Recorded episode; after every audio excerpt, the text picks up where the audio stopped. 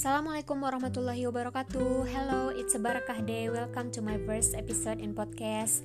Mengawali podcast yang masih lapang ruangnya ini Aku bakal ngebahas topik yang kalau anak gaul bilang ini gue banget. Karena dari judulnya aja udah relate sama diri sendiri. Yaps, perempuan.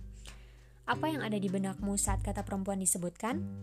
Tentu kamu udah punya bayangan sendiri tentang perempuan Alhamdulillah atas rahmat Allah kepada perempuan yang mendengarkan podcast ini kita terlahir sebagai seorang perempuan yang keistimewaannya terpampang nyata dalam surat yang membahas tentangnya Quran Surat An-Nisa Nah aku mau cerita sedikit Tepatnya di akhir masa SMA merupakan masa di mana semua ujian telah selesai dan berakhir dengan liburan panjang. Saat itu, sebuah kegiatan menghantarkanku dan teman ke ibu kota provinsi, Padang, yang jaraknya itu dua jam dari daerahku.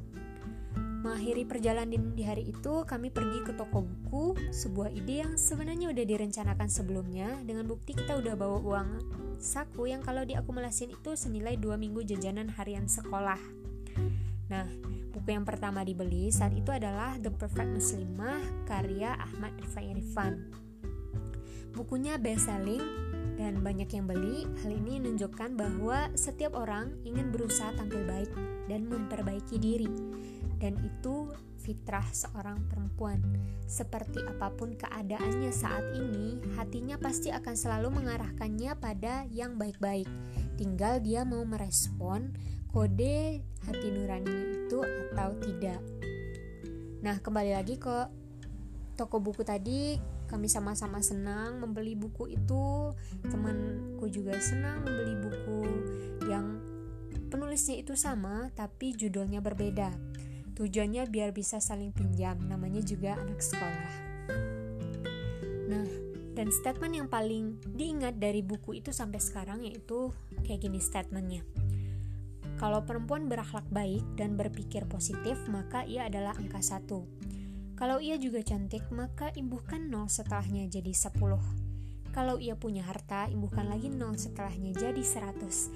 Kalau ia cerdas, imbuhkan lagi nol setelahnya jadi seribu.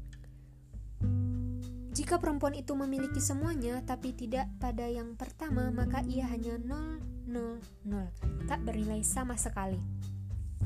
Dari kalimat itu, kita belajar bahwa yang mesti diinvestasikan pertama itu adalah akhlak dan apa yang dipikirkan terlebih dahulu. Kita tahu nobody perfect, but we have to learn from our mistake. Karena akhlak dan pikiran itu adalah cerminan diri yang akan berlanjut pada apa yang akan diucapkan lidah, apa yang akan dilakukan, dan apa yang akan diikuti.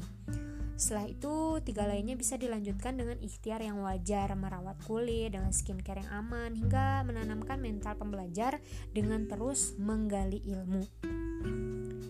Allah menjadikan dua makhluk dari golongan manusia dengan fisik dan struktur otak yang berbeda, laki-laki dan perempuan, supaya mereka saling melengkapi. Lihat saja gimana mereka perempuan dan laki-laki itu kalau ngerespon hal yang sama, tapi caranya berbeda. Itu unik banget bukan? Semua Allah set dengan perannya masing-masing di dunia ini.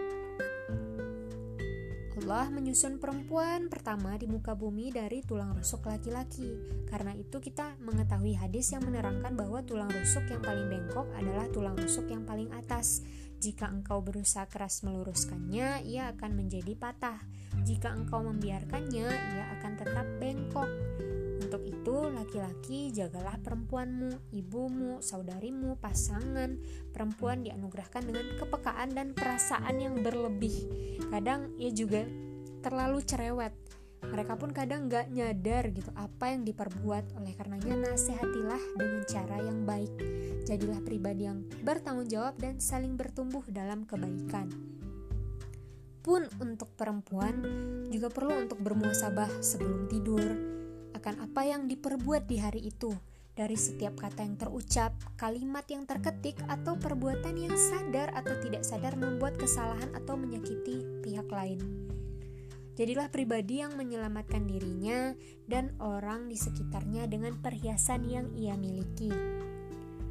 Perempuan dan keistimewaannya dibentuk oleh pribadinya masing-masing.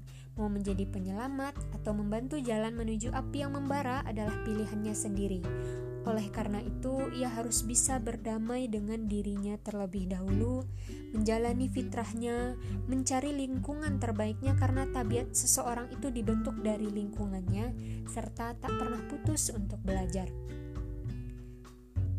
Selamat merangkai jalan, mulus tentu nggak akan semua yang mulus, tapi itulah seninya. That's for me. Terima kasih untuk menitmu yang terpakai saat mendengarkan ini. This is the beginning. See you in another case. Thank you. Wassalamualaikum warahmatullahi wabarakatuh.